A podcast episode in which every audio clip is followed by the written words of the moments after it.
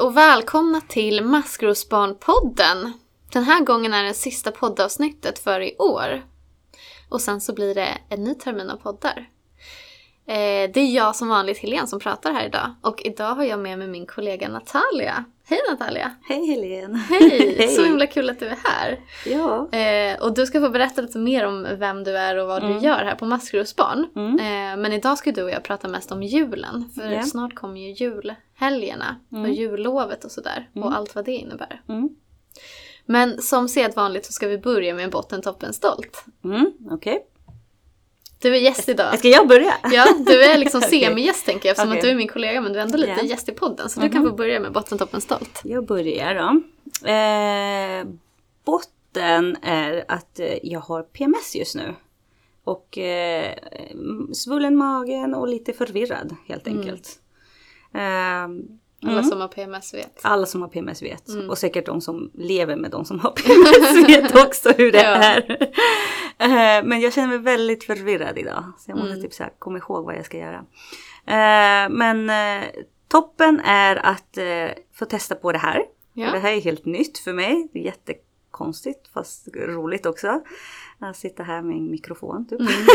Har du pratat i en podd någon gång förut? Nej, aldrig. Spännande, första All, gången. ja, det känns så främmande. Jag vet inte riktigt Mm. vad, hur gör man det. Men nu sitter jag här. nu vet jag, nu får jag uppleva det själv. Ja. Eh, och sen så... Ja, sen så min, min sambo eh, kanske får en, en, en ganska bra grej idag i sitt, Mm. i sitt liv. Så jag sätter och väntar liksom lite på att vi ska ha kontakt med varandra efteråt. Mm. Spännande. Ja, så att jag är lite så här, så jag är ändå taggad idag. Mm. Det känns som en bra dag. Eh, och sen så stolt är jag över att jag faktiskt gjort massa arbetsuppgifter den här veckan. Som jag inte trodde jag skulle hinna med eller som egentligen var inplanerade till nästa vecka. Mm. Så jag ligger liksom lite före ändå. Och det känns skönt. Skönt. Att man inte är stressad. Ja, Skönt. faktiskt. Så det är jag stolt över. Mm, Tack. tack. Du då? Ja, min botten. Alltså den här hösten har varit väldigt motig och det är ju Mm. som typ alltid känns det som i livet att när svåra saker liksom kommer tillsammans i en hop. Det känns oftast inte som att det sprider ut sig. Mm. Jag har funderat på det där för jag vill kanske inte heller att alla motgångar sprider ut sig så man alltid har motgångar. Ja. Men det känns väldigt motigt den här hösten. Mm. Ehm, mycket svåra, lite så jobbiga saker bara. Mm. Eh, så det i min botten tror jag att det var en, en jobbig höst. Mm. Ehm, men min, men jag är alltså ganska stolt över att jag ändå har liksom kunnat hantera dem på ett helt annat sätt än vad jag gjort förut. Så Mm. att jag liksom, det går att ta sig igenom. Det är lite jobbigt men det går verkligen att ta sig igenom det. Mm. Eh, och en annan toppen och stolt som jag har, de här liksom lite ihop. För att under 2019 så har jag jobbat i ett projekt på Maskrosbarn som heter Skolkurage. Mm. Och det har varit ett ettårigt projekt så det har varit bara under det här året. Mm. Eh, och det har varit mycket nya grejer för mig. Eh, men det har varit så himla roligt och vi har liksom, vi är snart klara med det projektet och det har blivit jättebra. Vi har fått jättemycket fin respons. Vi utvecklade liksom ett helt nytt material till lärare inom skolan för att kunna upptäcka och stötta Mm. andra maskrosbarn. Mm. Ehm, så jag är så eh, glad över att det har gått så bra och stolt över mig och teamet som har liksom rott i hamn det här. Mm. Eh, och alla andra som har deltagit i projektet. För det är massa ungdomar och eh, skolpersonal som också har deltagit och Mm. eh, varit med och utformat det här materialet och vad skolkurage skulle bli. Mm. Så det är jag jättestolt över. Mm. Ja, det har varit skitkul. Mm. Jag är stolt över dig också Tack. faktiskt. Jag tycker det är ett väldigt coolt projekt. Ja, det är ett coolt projekt. ja, om man, speciellt om man tänker att det bara pågått typ i ett år. Ja, Som du säger. Och att gå från att inte veta alls hur ja. man ska göra det här. Eller inte alls vara kunnig i det. Liksom, Ja. typ så. Och sen så har det klart nu. Mm, Inom loppet av ett år. Så mycket man Verkligen. kan göra på ett år. Ja. Det är så coolt. så himla roligt. Mm. Om det är några ungdomar som lyssnar som har varit med i projektet, eller skolpersonal för den delen, så Mm. eh, kan ni gå in på vår hemsida så kan ni se det, för det går att ladda ner jättelätt. Mm. Mm. Ja, men det har varit kul. Jättefint. Jag gjorde lite reklam också där för Ja, just det. Pling, pling, ja. Eh, ja men vad kul Natalia Mm. eh, att du är här som sagt. Och Mm. vi, du och jag jobbar ju ganska mycket tillsammans. Mm, det gör vi. Mm. Eh, du kanske ska berätta lite själv? Vad jag jobbar med. Ja, vad du gör här på. Maskrosbarn. Ja, eh, jag har ju börjat nu typ i eh, vad är det, augusti började jag hos er. Mm. Eh, och jag är torsdagsmysansvarig Ja, Ja, och då jobbar vi mycket med varandra. exakt. Ja, På På torsdagsmysen. torsdagarna. Kan du berätta lite kort om vad torsdagsmys är? För Ja men torsdagsmys är ju som en eh, fritidsgård Mm. i princip. Som håller igång eh, torsdagar. Mm.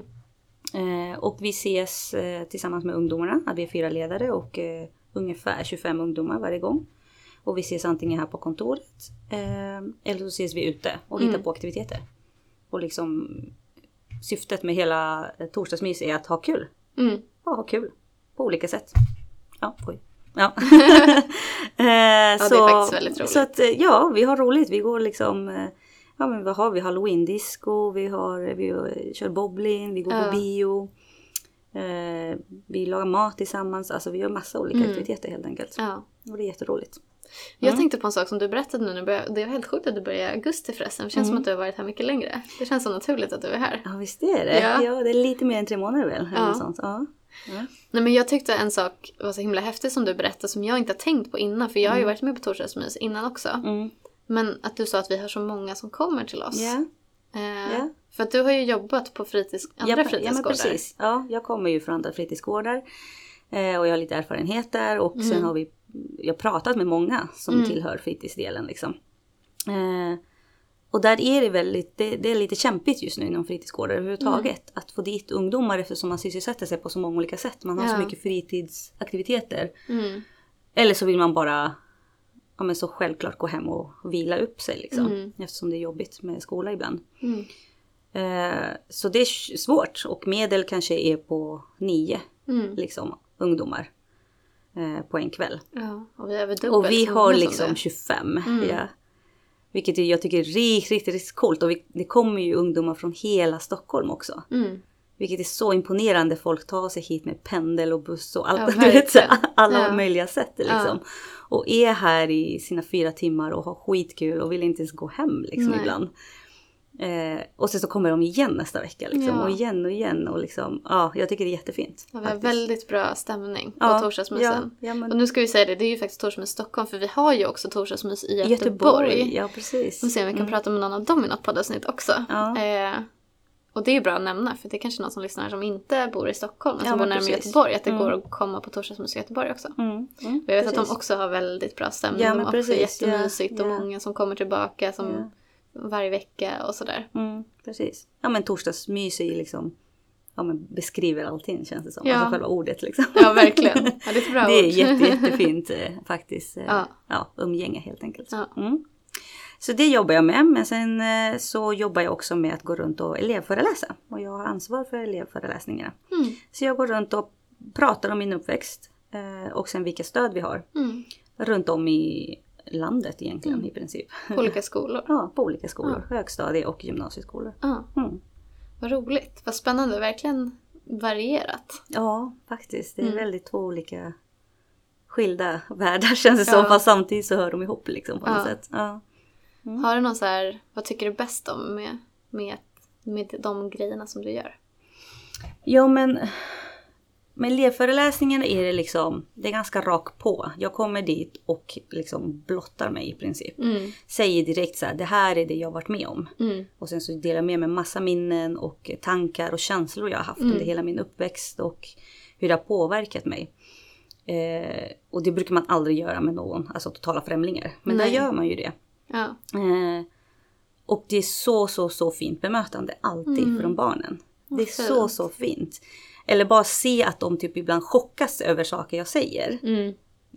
Det är så fint för man bara, ja just det, såklart, det här är inte normalt. Men ibland Ja. kan det kännas som normalt eftersom man ju levt i det. Ja. Så det är väldigt fint att, att se deras ansiktsuttryck men också få höra de fina kommentarerna. Eller bara Mm. sån här, ja en gång så var det typ att de bara ställde sig i kö och ville bara ge mig kram. Liksom, innan de gick. Så Så, ja, det blev värsta så här kramkalas. Jag bara tänkte så Alltså vi är ju främmande liksom till Ja. varandra. Men de ville bara ge, bara ge mig kramar helt enkelt. Så det är jätte, jätte, jättefint att, att du kan använda din bakgrund på en sån, på en sån sätt och Mm. bemöta folk. Och sen är det folk som delar med sig också av sina Mm. egna er, er, erfarenheter. Eh, så att det, det, ja, det är en väldigt cool, eh, blandat, roligt. emotionellt. Ja, Men för det som du säger, att så här, och vi väljer ju, vi som pratar om vår uppväxt Mm. från Maskrosbarn väljer ju att så här, vi vill dela med oss av det som känns Mm. okej att dela med oss av och som Mm. saker som är bearbetat och Mm. det är liksom inte det är inte ont på samma sätt längre i oss men Nej. det är fortfarande liksom utelämnande och det är fortfarande ens egen historia. Mm. Så man vill ju gärna bli bemött bra såklart. Och Ja, det är precis. jättefint att höra Ja, att så här, du ja. får så, och, och så extra fin respons. För att så, här, Ja. bara, så länge man inte blir får några så här taskiga frågor eller taskiga kommentarer så är Mm. man ju nöjd. Ja, men precis. att Mm. du får så himla fint bemötande. Mm. Roligt att höra. Ja, det är jättefint. Mm. Eh, och då är det ändå liksom en, en tung del av arbetet om man nu ska säga så. Mm. Eh, för att man berättar någonting tungt som har hänt en förut. Men det känns ju inte som det. Eftersom Nej. man kommer alltid ut och är jätteglad och fylld av kärlek. Ja. Och sen så har vi torsdagsmys där allting bara handlar om att ha kul. Mm. Alltså vi ska bara skämta och ha roligt med varandra. Ja. Och vi behöver inte prata så mycket om, om vilka problem vi än har eller speciellt barnen liksom, de behöver Mm. inte prata om det utan man kommer hit bara för att koppla ifrån rättare sagt. Eh, men det blir också jätte, jätte, jätte kärleksfullt här. ja. Alltså det är riktigt, riktigt fint. eh, Liksom. Också samma sak, vi kramas alltid när, vi kommer, när alla kommer Mm. och när alla går och liksom, vi hänger i grupp. Mm. Alla har res- jättemycket respekt för varandra. Mm. Eh, tar hand om varandra, jättefina. Så fort någon kanske är lite nere så är det någon som tipsar om det liksom, och Mm. säger det till oss. Mm. Så vi kan ha lite extra koll eller vi själva ser det. Liksom. Och det är så mycket kärlek där också. Ja. Och det är så fint för alla har någon gång börjat här och varit totalt... Alltså de, är, de känner ju inte varandra sen Nej. innan. Så någon gång har alla börjat här, kommit hit, varit supernervösa, vet inte vad Ja. de kommer in i och sen så slutar det med ett par veckor senare att de är supertajta. Så modigt att våga komma hit själv också. jag är så imponerad. Ja, jag tycker verkligen det. Det är så Mm. coolt. Eh, så att ännu en gång liksom, så, så, så är det blir så mycket fylld med kärlek när man kommer hem sen. Mm. Så att det, det är jättefint, jätteskilda arbeten men Ja. jätte, jättefint. Och det är typ samma veva båda två liksom. Det är Ja. kärlek. Vad roligt. Ja. Men du, hur kom det sig att du hittade hit då? Och började jobba här? Eh, ja, alltså jag vet inte. Jag har följt er ett tag. Oss. Ja, oss. det, det där har jag svårt med fortfarande att vänja med. Ja. Eh, ja, men alltså jag, jag följde ju Masros barn, speciellt tror jag Instagram tror jag jag Mm. började med. Kanske Facebook också då. Ett tag sedan. Eh, så jag vet faktiskt inte riktigt när, när jag liksom såg det för första gången. Mm. För jag följer ganska många olika organisationer. Mm. Eh, som jag tycker gör bra arbete helt enkelt. Eh, jag brinner ju som sagt för att jobba för ungdomar liksom. Mm.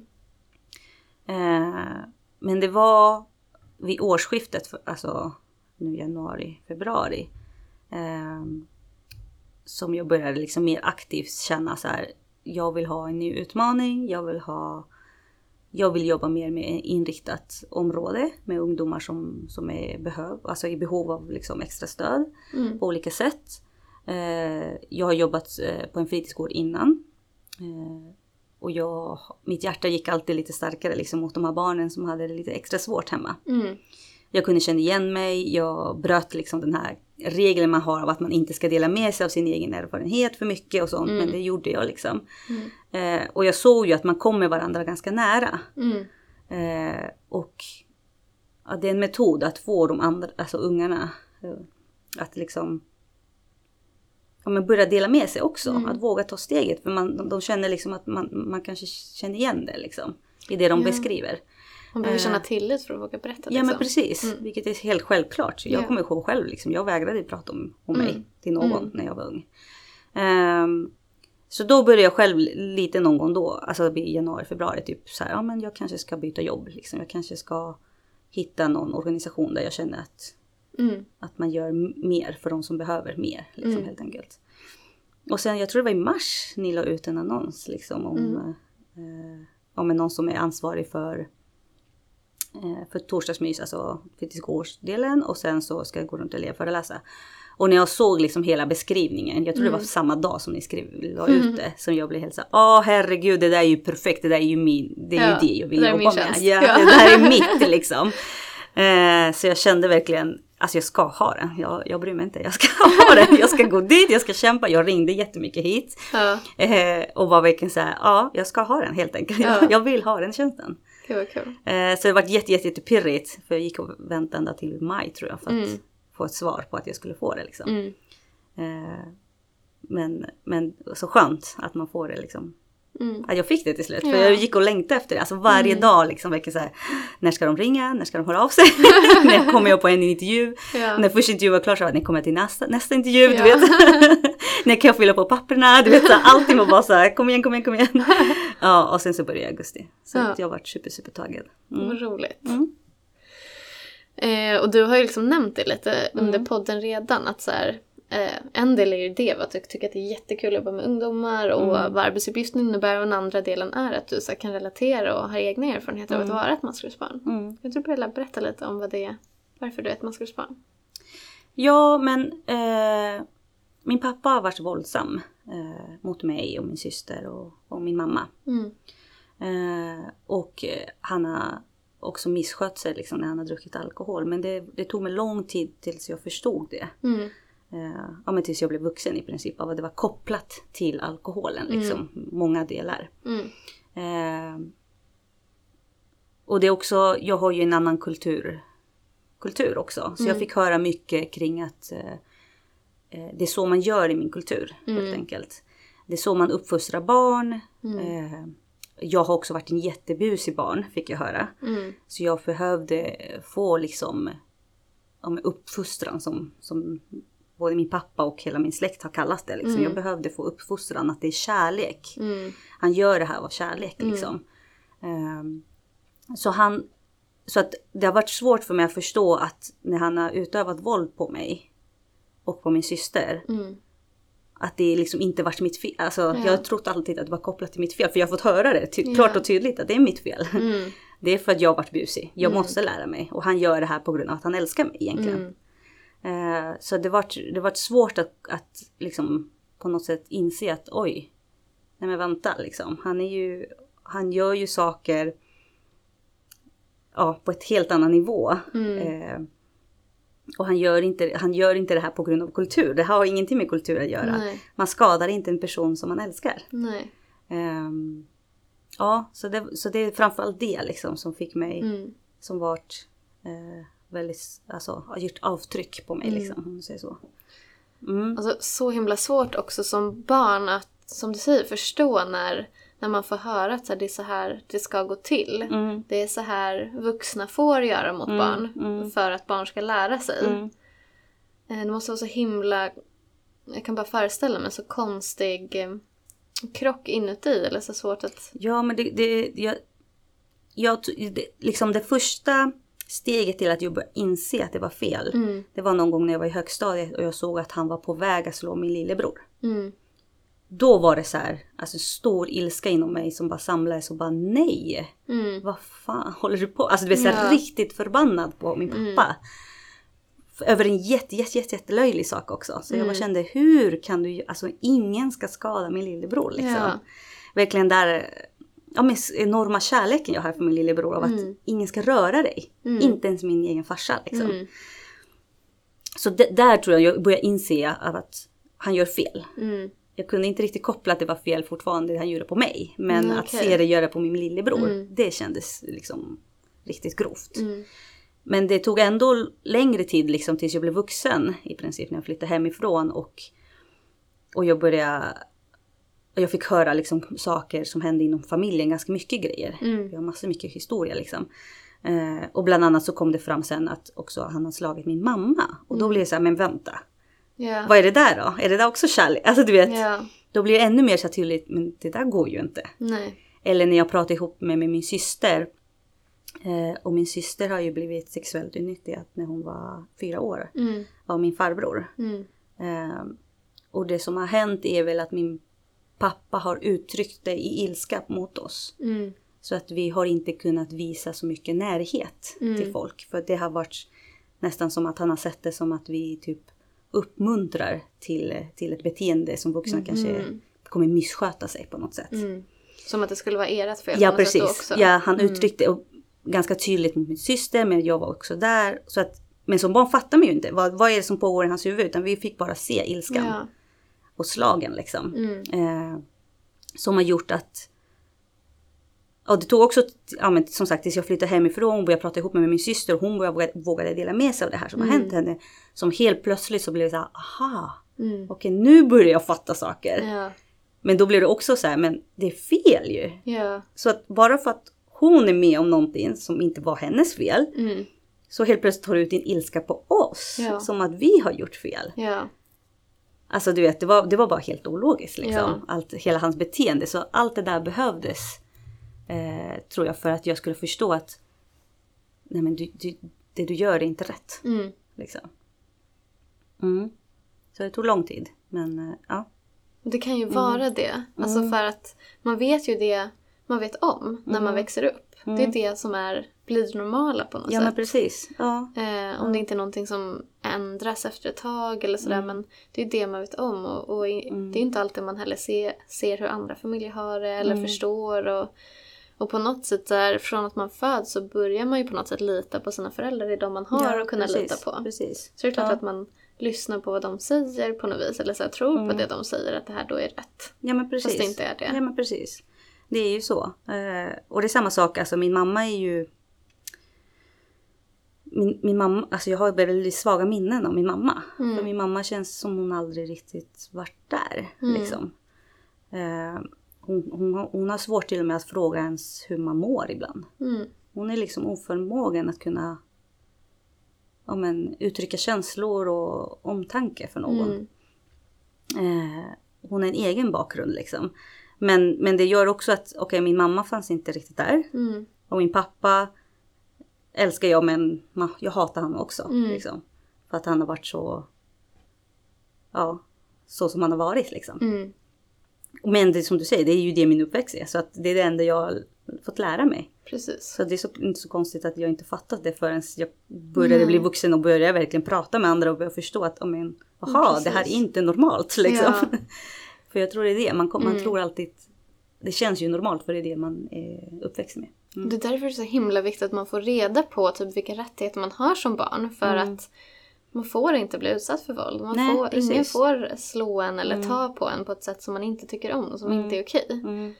Eh, det står liksom i barnkonventionen, det är något som typ nästan alla länder har skrivit på. Mm. Och så här, det ska gälla för alla barn. Ja. Och i Sverige så är den lag 1 januari 2020. Mm. Ja. Så att så här, men om man inte vet om det, Mm. då är det jättesvårt att kunna hävda det eller förstå det eller så. Mm, man måste ju få den informationen Ja. någonstans ifrån. Ja. Mm. Det är sant. Mm. Men eh, vad heter det? Sånt där påverkar ju liksom verkligen en, en familj och en sån person. Och, Mm. och på Maskrosbarn så, du vet ju själv, vi pratar ju jättemycket om så här, olika konsekvenser man får av sin uppväxt. Mm. Ehm, man får ju... Det påverkar ju en att vara med om olika jobbiga saker. Och särskilt när, om man är med om det när man är liten. Mm. Vad känner du att du har fått för konsekvenser av Konsekvenser. det? Ja, men ja, såklart har jag fått massa konsekvenser egentligen. Men, eh, men framförallt tror jag det är tillit. Mm. Jag har ju, eh, nu har jag bara tagit upp några saker, men vi har, jag har ju ganska mycket historia i min, i min både min pappas släkt och min mammas släkt. Och sen min pappa också liksom nu som, som har varit så. Så det blir mycket, jag, jag tycker det sätter sig en, en gigantisk R inom mig. Mm. Som gör att jag har varit väldigt, väldigt, väldigt skeptisk mot alla. Mm. Och till och med de som verkar vara goda har jag Mm. inte trott på. Mm. Jag har haft väldigt, väldigt svårt att ha tillit till någon. Mm. Liksom. Eh, och det är såklart, det påverkar ju en om man ska gå runt och misstänka varenda människa man träffar. Ja. Alltså du vet, så Verkligen. alltid så här, dubbelkolla lite så här, om de Mm. verkligen vill en vän väl liksom. Eh, så det är den största tror jag. Mm. Tills man börjar förstå av att okej, det här bara för mina föräldrar varit så som de är, eller mina, mina släktingar är som de Mm. är, så betyder det inte att alla är så. Nej. Jag hade bara otur. Jag råkade födas i den familjen. Mm. Ja. Liksom. Ehm, så det är en. Men sen så, det kan vara alltså, simpla grejer som för andra känns som simpla. Mm. Men till exempel ja, men kramar, Mm. närhet, visa att man tycker om någon. Eller säga att man älskar någon. Mm. Det där är för mig också någonting som aldrig har hänt i min familj. Mm. Eller till och med tvärtom, att det har visats som att nästan det är dåligt Mm. att visa det. Så för mig har det varit, i början var det bara så här, nej men jag är så här, jag vägrar röra någon. Alltså du vet, jag vägrar krama någon eller så kramar jag jättelöst och bara så fort som möjligt bara vill ta bort folk. Ja. Och sen när jag började förstå att, oh men gud, det här är ju en konsekvens av hela min uppväxt. Då var jag så okej men jag måste kämpa, jag vill göra det här annorlunda, jag vill liksom Mm. göra det här till något positivt så som jag ser att alla andra ser, alltså ser det. Mm. Eh, och jag kämpar fortfarande kan jag säga. Mm. Jag är liksom 32 år gammal och jag kan fortfarande inte kramas helt naturligt när det handlar om en ny person till Mm. exempel. Det fortfarande kan vara lite stelt för mig ibland att Mm. krama en ny person liksom. Mm. Men släpper jag det, då liksom, då Mm. börjar det kom- komma. Men däremot till exempel med barn, Mm. alltså barn och unga, de slänger sig på en typ och kramar. så de gör det så mycket enklare för mig Ja. liksom att bara säga okej, jag fattar, du vill ha en kram, jag ger en kram och Ja. vi kramas hårt liksom. Mm. Ehm, men det är sådana saker som, liksom, som kan vara jätteenkla för andra som inte alls är så enkla för Mm. mig. Liksom. Mm. De där grejerna känner jag igen också från att många Mm. ungdomar har berättat. Mm. Det är ju liksom ganska vanligt såklart att ha svårt att lita på människor Mm. när de man trodde man skulle kunna lita på mest inte gick att lita på till Mm. exempel. Eller när man har fått bestraffning eller varit utsatt för saker. Och, och jag tänker också på det här som du beskrev i, i det dubbla. Att du kan känna att du älskar din pappa men också hatar honom. Eh, och den känslan i sig kan vara svår att greppa och förstå men måste också få vara så. Ja att precis. den är lite komplex. Ja. Och så här, det är inte självklart att man bara hatar någon som har utsatt den utan Mm. man kan faktiskt också älska den fortfarande för det Mm. finns kanske andra saker som är bra. Mm. Men också att man har rätt att få känna lite Mm. eh, ilska och hat också Mm. mot att en person har faktiskt gjort en illa och gjort, påverkat den på ett sånt sätt. Mm. Eller Precis. inte gav den det en man förtjänade. För att så här, du förtjänade ju såklart massa Mm. kramar och kärlek när du var liten. Och. Och någon som förklarade för dig hur bra du var och uppfostrade dig på ett sätt utan våld. Liksom. Ja men precis. Och det, nu tog du upp en till grej, för det, det är väl det jag fick höra väldigt mycket, i alla fall de minnen jag har, liksom det är så här, Mm. hur dålig jag var. Mm. Alltså jag var busig, jag var stökig, jag lyssnade Mm. inte, jag bröt alla regler. Alltså du Mm. vet så här, hela tiden, om och om och om igen. Och Mm. fick stryk av det liksom. Mm. Och min syster fick stryk av det på grund av att jag gjorde massa saker och hon var i Mm. närheten och stoppade inte mig. Mhm. Du vet så här. Ja. Så att okej, jag var elak också för att jag fick, gjorde så min syster fick stryk. Ja. Ja. du vet så här. Jag har massa sådana saker.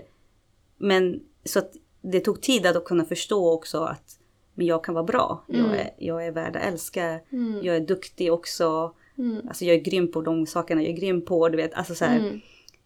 Lyssna på, på mig själv också. Lära mig att värdera mig själv. Mm. Det tog tid liksom också. Mm. Och det är också en konsekvens som har suttit i ganska länge. Liksom, som man har varit tvungen att kämpa och nästan påminna sig om att så här, nej nej, nu är det din bakgrund igen som påverkar dig. Ja. Kom ihåg att du är värd, du är värd. Du vet Mm. så här, ja men som en mantra liksom. Ja. Går runt och repeterar det liksom. Ja. Hur gjorde du för att liksom komma fram till de där sakerna? Och komma fram till att du behöver göra det? Och... Men det, det kändes bara, jag vet inte, jag har alltid varit väldigt duktig på att hjälpa andra Mm. runt omkring mig liksom. Ge Mm. stöd och uppmuntran och få dem att förstå hur värdefulla personerna runt omkring har varit Mm. för mig. Och någonstans där, antingen ibland har man fått en rak liksom tillbaka så här, men hallå, du är också bra, varför lyssnar inte du själv på dina egna Ja. råd? Man bara, Ja. oj då, ups. Ja. typ så. Men också, desto mer man repeterar, desto mer så här, men jag kan inte bara säga sånt här och inte själv tro på det. Mm. Alltså, om en standardgrej om att du ska kunna älska dig Mm. oavsett. Mm. Till och med de dagarna du kanske inte gör så bra saker. För Mm. att sakerna är bara ingenting.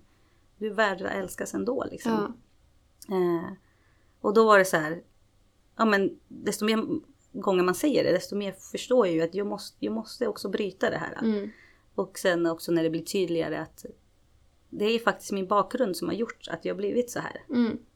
Eh, och jag tänker inte låta den styra över mig liksom. Mm. Jag kan faktiskt skapa mig själv igen på något sätt. ja. Eh, mm. Det Så går då- ju då- faktiskt. Det ja. kan ju vara fett jobbigt och en, liksom, en resa men Mm. det går ju. Ja, precis. Det går ju. Det går. Och sen så... Och bara vara glad. Alltså jag, för mig, jag uppmuntrar mig hela tiden, liksom dagligen. Över Mm. små grejer som jag lyckas göra. Mm. För, det kan, för andra tror jag kan kännas jättesjälvklart. Men för mig har det liksom varit kämpigt under min Mm. tonåring också. Så för mig är det så att jag orkar gå upp från sängen. Mm. Ja men det är skitbra. Jag är Mm. supertaggad liksom. Eller Mm. tacksam att jag klarar av det. Du peppar Att- dig själv Ja, lite jag peppar mig då. Liksom, så jag duschar, jag har ätit frukost. Fan vad duktig. Och det kanske jag gör ändå, ändå varje dag. Ja, liksom. men ändå Men att jag lyckas göra det. Ja. För mig är det inte en självklarhet. Nej. För att jag har haft det jobbigt förut. Och jag har Ja. haft perioder i tonåren där jag var bara helt, helt, helt deppig. Och jag orkade Mm. inte med någonting alls. Mm. Så att, ja det är långt ifrån. Alltså nu är jag ju inte alls tonåring. liksom. Eh, Men eh, Men ändå, jag tycker jag ska vara stolt över att jag orkar göra saker och jag vill göra saker och att jag vill ta en promenad och liksom bara Ja. få vinden i håret. Alltså du vet, så här, det, det kan vara så här jättesmå löjliga saker men för mig blir det så här, åh vad tacksam jag är, vad Ja. glad jag är. Det tycker jag det. att du ska vara. Ja. Och det tycker jag är superbra. Mm. Och ge sig själv mycket mer pepp än vad man egentligen gör. Mm. Annars Mm, blir man så lätt självkritisk mer än vad man är mm, självpeppande. Liksom. Mm, mm. Mm. Så jag, uppmuntrar, alltså jag uppmuntrar mig själv ganska Ja. mycket hela tiden. Och försöker alltid vända eller liksom påminna mig eh, om, om de positiva sakerna som Mm. finns omkring mig. Mm. Ja, men till exempel när man fyller år så är jag väldigt så här. Man, de flesta tror jag, alltså man hamnar ofta så här nere. Åh gud, ett år till och vad ska Mm. jag göra? Bla bla bla. Du vet så här.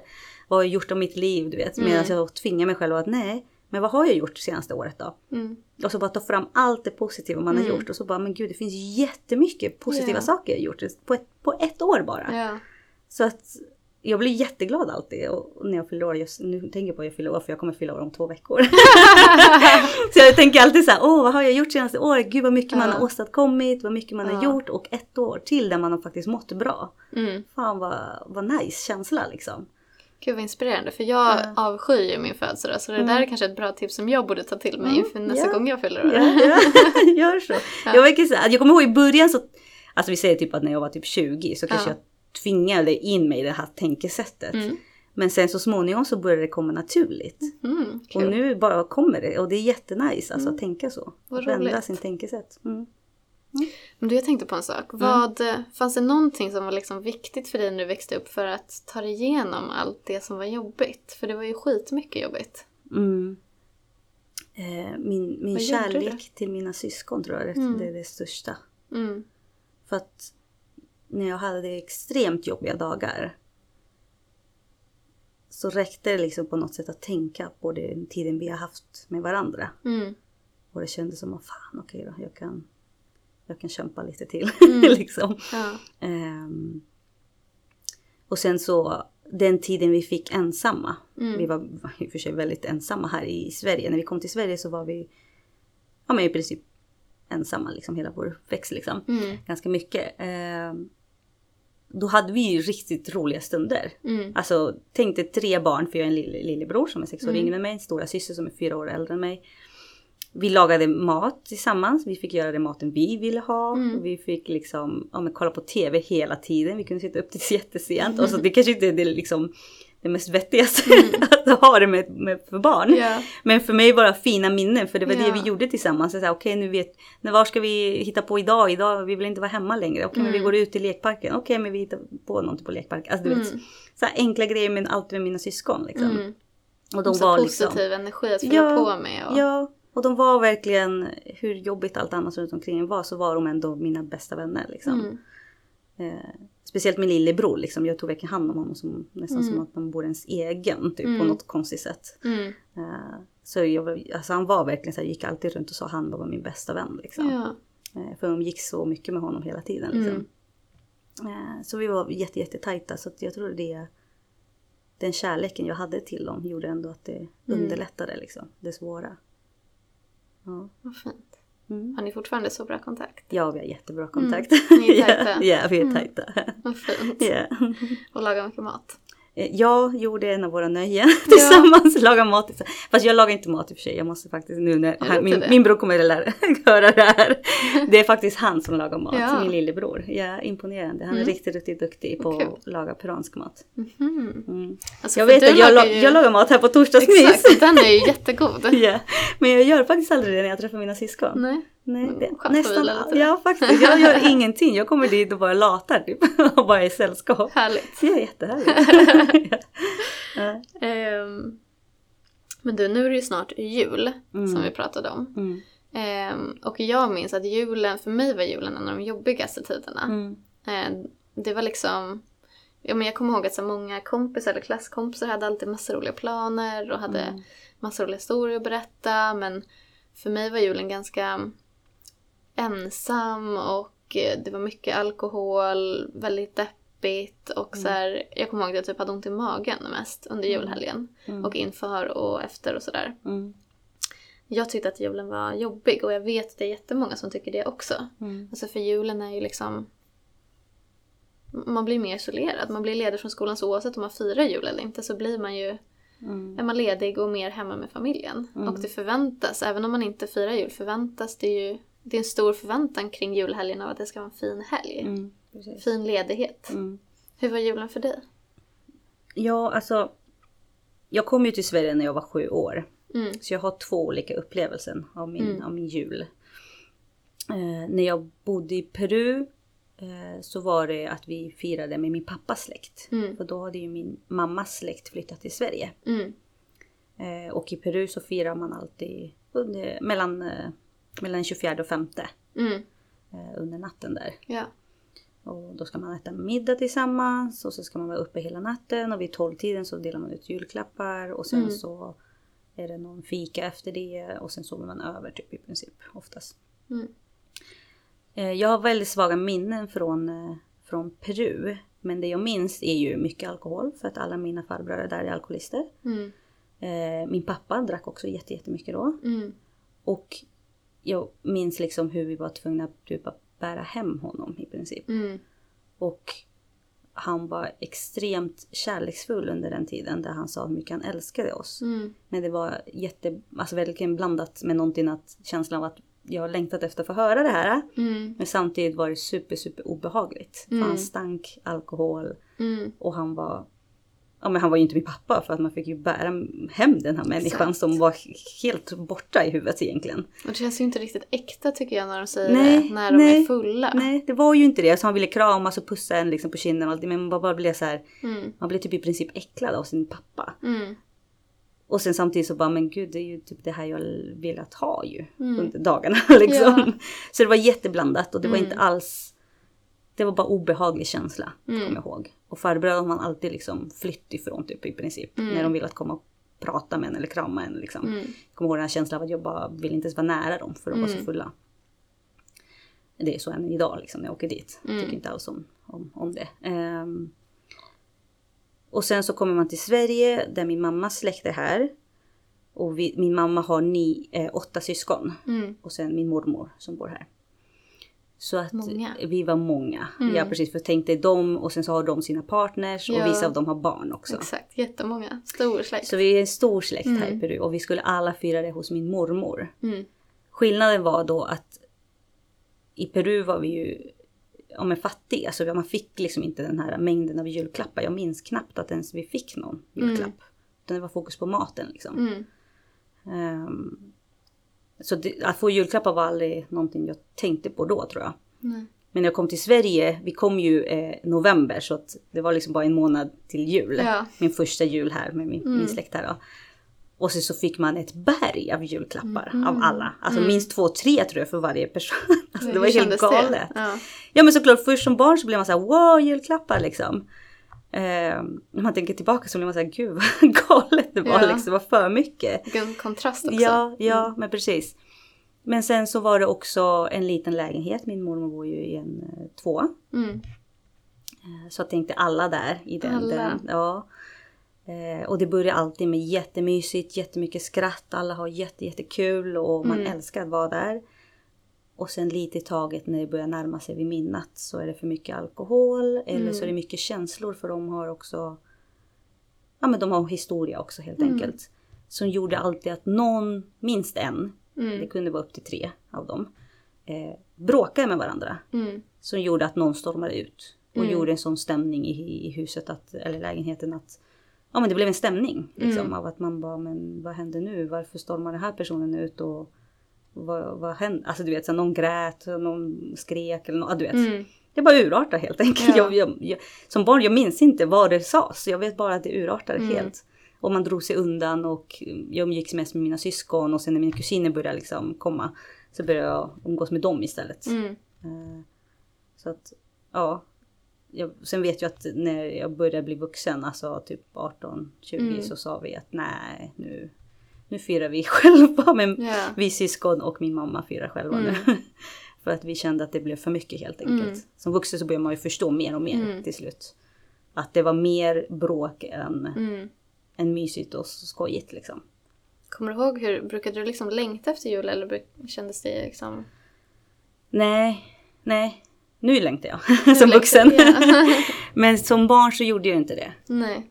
Eh, i alla fall här i Sverige har jag mycket mer tydligare minnen. Mm. Då var det lite, väldigt blandade känslor av att någonting kommer ske. Och vem Mm. kommer bråka nu? Vad kommer hända nu denna Mm. gången? Eh, där var det också alkohol, alltså du vet att vissa misskötte sig liksom. Mm. Så att det var också så här, okej, v- vem, vem ska det bli liksom? Mm. För vi är så många också så det var inte så här helt säkert att det blir samma person. Nej, okej. så det kunde vara vem som helst liksom. Handlar om att försöka vara lite uppmärksam på Ja vem precis, också. vem Mm, också. Vem så vem är extra klängig nu? Okej, ja Mm. nu luktar det lite extra alkohol eller nu Mm. känner man vibbarna av att någon har sagt Mm. något pik till någon och snart kommer bråket liksom.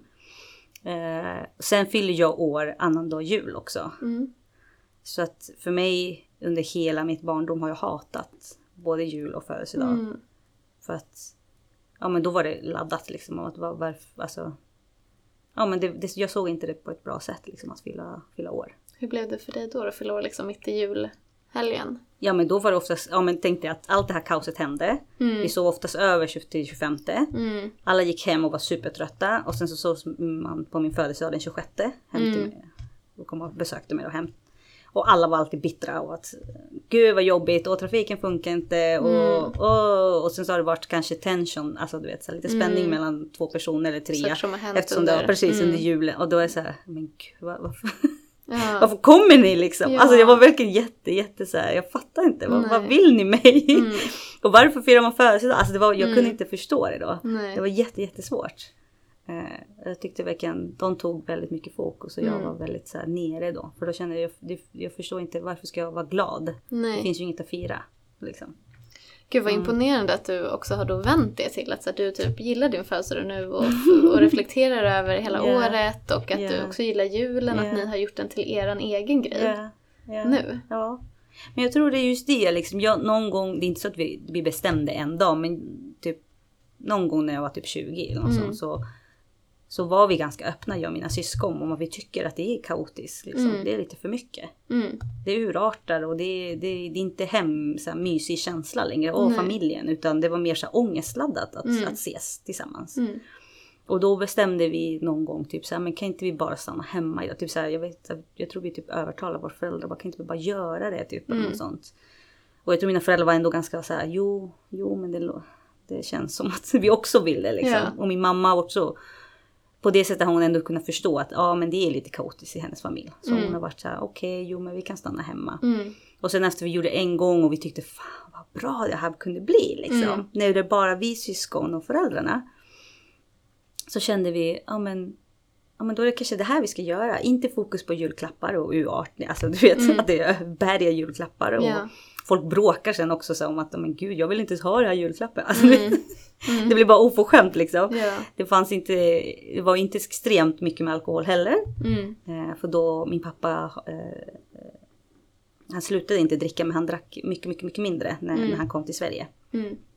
Eh, så vi behövde inte ta hand om honom på det sättet heller.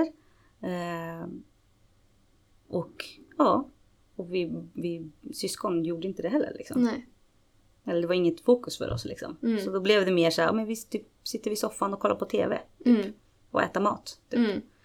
Sen så splittades mina föräldrar. Mm. Eh, och min pappa åkte tillbaka till Peru. Mm. Så då blev det ännu enklare. För att då har jag och mina syskon verkligen sagt till vår mamma typ så här, så här vill vi göra Mm. denna dag. Eller denna jul liksom. Mm. Eller det här vill vi ha till mat. Och det här vill vi göra. Ja, Du vet så här, exakt bestämt liksom. Mm. Verkligen exakt hur vi vill ha det. Och mamma har bara gått med på det. Mm. Vilket var super super skönt. Ja men då gör vi som vi vill. Mm. Och nu har när mina kusiner har börjat bli lite äldre. Mm. För jag och mina syskon är de som är äldst. Och, Mm. ehm, så har de börjat komma lite till oss också. Så att nu börjar det bli att våra kusiner, de äldre i alla fall, börjar fira med oss också. Mysigt. För de vill inte heller vara i det där kaoset. Ja men det blir mysigt för då Ja. har vi verkligen så här. Jag vet ett år bestämde vi typ så här, ja men vi ska ha eh, onesies till, eh, till jul. Du vet, Alltså Eh, kläder? One pieces, ja. Ja, one ja, pieces, ja, så här, så här, okej, så ja. att Inte klä oss fina, inte massa så Nej. här bilder, bilder fokus på det. Utan Myskläder. vi ska vara myskläder. Ja. Gud, Och alla bara tog på sig det. Ja. Och vi var typ, ja men det var två, tre kusiner till och sen deras partner. Ja, du vet så. Och så var, hade vi hemma och min mamma var den enda som var finklädd. och vi bara ignorerade henne. Vi bara, vi bryr oss inte.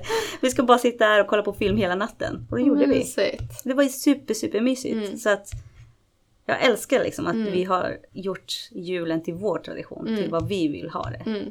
Och vad vi tycker är bäst om med julen, Mm. det gör vi liksom. Mm. Ja. Gud vad härligt. Ja. Har du någonting så här, jag tänker på de som lyssnar som kanske du typ har ont i magen inför att julen kommer eller kommer ha en jobbig Mm. julledighet. Mm. Om det finns någonting, har du något tips till dem eller någonting du kan säga till dem? ja, det är så svårt. Eh, Men eh, jag tänker typ att man ska försöka hålla sig borta kanske. Mm. Alltså så mycket det bara går. Och gå till dem som det känns bäst med. Ja. Liksom. Om det nu handlar om en syskon eller en kusin eller en moster eller farbror. Mm. Vem det nu kan vara. Där det känns tryggt och bra. Mm. Där man på något sätt kan koppla ifrån det som håller på att hända just nu i Ja. hemmet. Att det liksom kan vara Verkligen. ja, det Alltså, man kan göra liksom. Försök Mm. fokusera på vad som blir bäst för en själv. Ja, Och om man blir typ medbjuden av en kompis, ta Mm. det erbjudandet. Ja, för jag vet att det precis. kan vara lite svårt, att man inte vill tränga sig på eller det kan kännas konstigt att fira med någon annans familj. Men det kan också vara jättebra. Om det känns jobbigt att vara hemma, så Mm. haka på en kompis. ja men precis. Sen finns det ju de som inte firar jul till exempel. Mm. Men då blir det också den här känslan av att alla andra gör något stort Mm. och själv är man bara hemma Mm. och gör ingenting. Men då blir det också som du säger, det finns ju oftast vänner som bjuder över en. Exakt, liksom. haka på det Ja, också. bara haka på. Eller kolla om det finns andra aktiviteter man kan göra. Mm. Jag vet att mycket har ju stängt liksom, typ på julafton och sådär. Men Mm. jag tycker att det mer och mer börjar öppnas upp saker Ja, som precis. inte är stängda. Ja. Så kolla upp sådana saker där, Ja. där ni bor liksom. Ja. Och jag tänker också alltså, att man ska glömma lite det här, eller försöka glömma, det är inte så Mm. jätteenkelt då. Idén av vad en jul ska vara. Mm. Forma din egen sätt. Mm. Liksom, vill du sitta och spela Playstation hela natten för det är det som känns bäst och tryggast. Liksom. Mm. Men gör det. Mm. Gör, få det att bli din, din liksom, Mm. sätt att fira jul på något Mm. sätt. Att det är inget fel liksom, att göra så, att välja det där istället. Nej, Att ersätta det med någonting som får en att må bra. verkligen. Mm. Och berätta för någon som ni litar på om hur det är hemma. Berätta om vad du är orolig för eller vad som känns läskigt. Och finns det någon du kan ringa på julafton om det blir för mycket liksom? Mm. Mm. Och vi, har ju, vi ökar ju allt vårt stöd under julen till, till skillnad från mycket annat eftersom att vi vet att det kan vara extra jobbigt den ledigheten. Mm. Så vi har ju till exempel julläger för ungdomar. Mm. Ja, vi har fint. ju ett Mm. julbord som vi erbjuder ungdomarna i vår verksamhet på julafton. Mm. Som de ska få gå på. Mm. Och sen tänkte jag också berätta om chatten ju. Mm. För vi har ju en Ja. chatt. Alltid egentligen. Men den har extra öppet under julhelgen. Mm. Eh, så det är bara att gå in på vår hemsida, maskrosbarn.org. Det kanske är där ni redan är som ni lyssnar på podden. Mm. Men att gå Mm. in där och kolla för att den ska ha öppen ganska mycket. Så skriv dit, för, och där sitter ju liksom volontärer som också identifierar sig som maskrosbarn. Ja, precis. Mm. Eh, så att ni inte känner er ensamma, för ni är inte ensamma. Och Nej. prata med någon Mm. om hur det är. Mm. Det är viktigt. Ja. Mm. Och som du sa, ta, Mm. ta hand om dig själv och vad som är bäst för dig. Ja, precis. Mm. Mm. Det kanske är det bästa tipset vi kan ge nu. Ja, det tror jag faktiskt. Mm. Mm. Så hoppas att alla får en lugn jul Mm.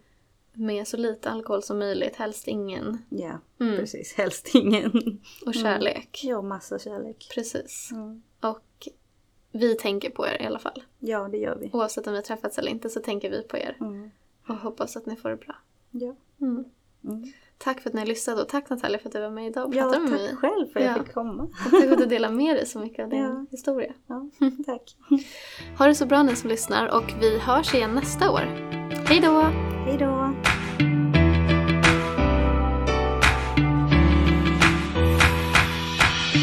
Du kan klättra så högt som du vill Det är ditt liv, ingen annan säger till Sikta mot toppen, dit du vill nå. Fortsätt att kämpa, du vet att det går. Du kan klättra så högt som du vill. Det är ditt liv, ingen annan säger till. Sikta mot toppen, dit du vill nå. Fortsätt att kämpa, du vet att det går. Det finns så mycket skit som händer hela tiden. Men vi är skapta för att överleva livet. En svår uppväxt med rädsla och hat. Men vi var för små för att kunna slå tillbaks. Gått igenom smärta och tårar dag för dag. Men vi lever än idag för vi är maskrosbarn. Vi kämpar för att kunna ta oss vidare. Vi är starka, tillsammans är vi krigare. Vi borde inte skämmas, vi ska vara stolta. För det finns folk som inte fattar hur vi orkar. Vi ska kämpa, vi ska klara. För maskrosbarn är vi födda till att vara. Ett maskrosbarn slutar aldrig kämpa. De försöker fast de kan få vänta. För det är det som gör oss starka och unika. Enskilda individer olika men ändå lika. Du kan klättra så högt som du vill. Det är ditt liv,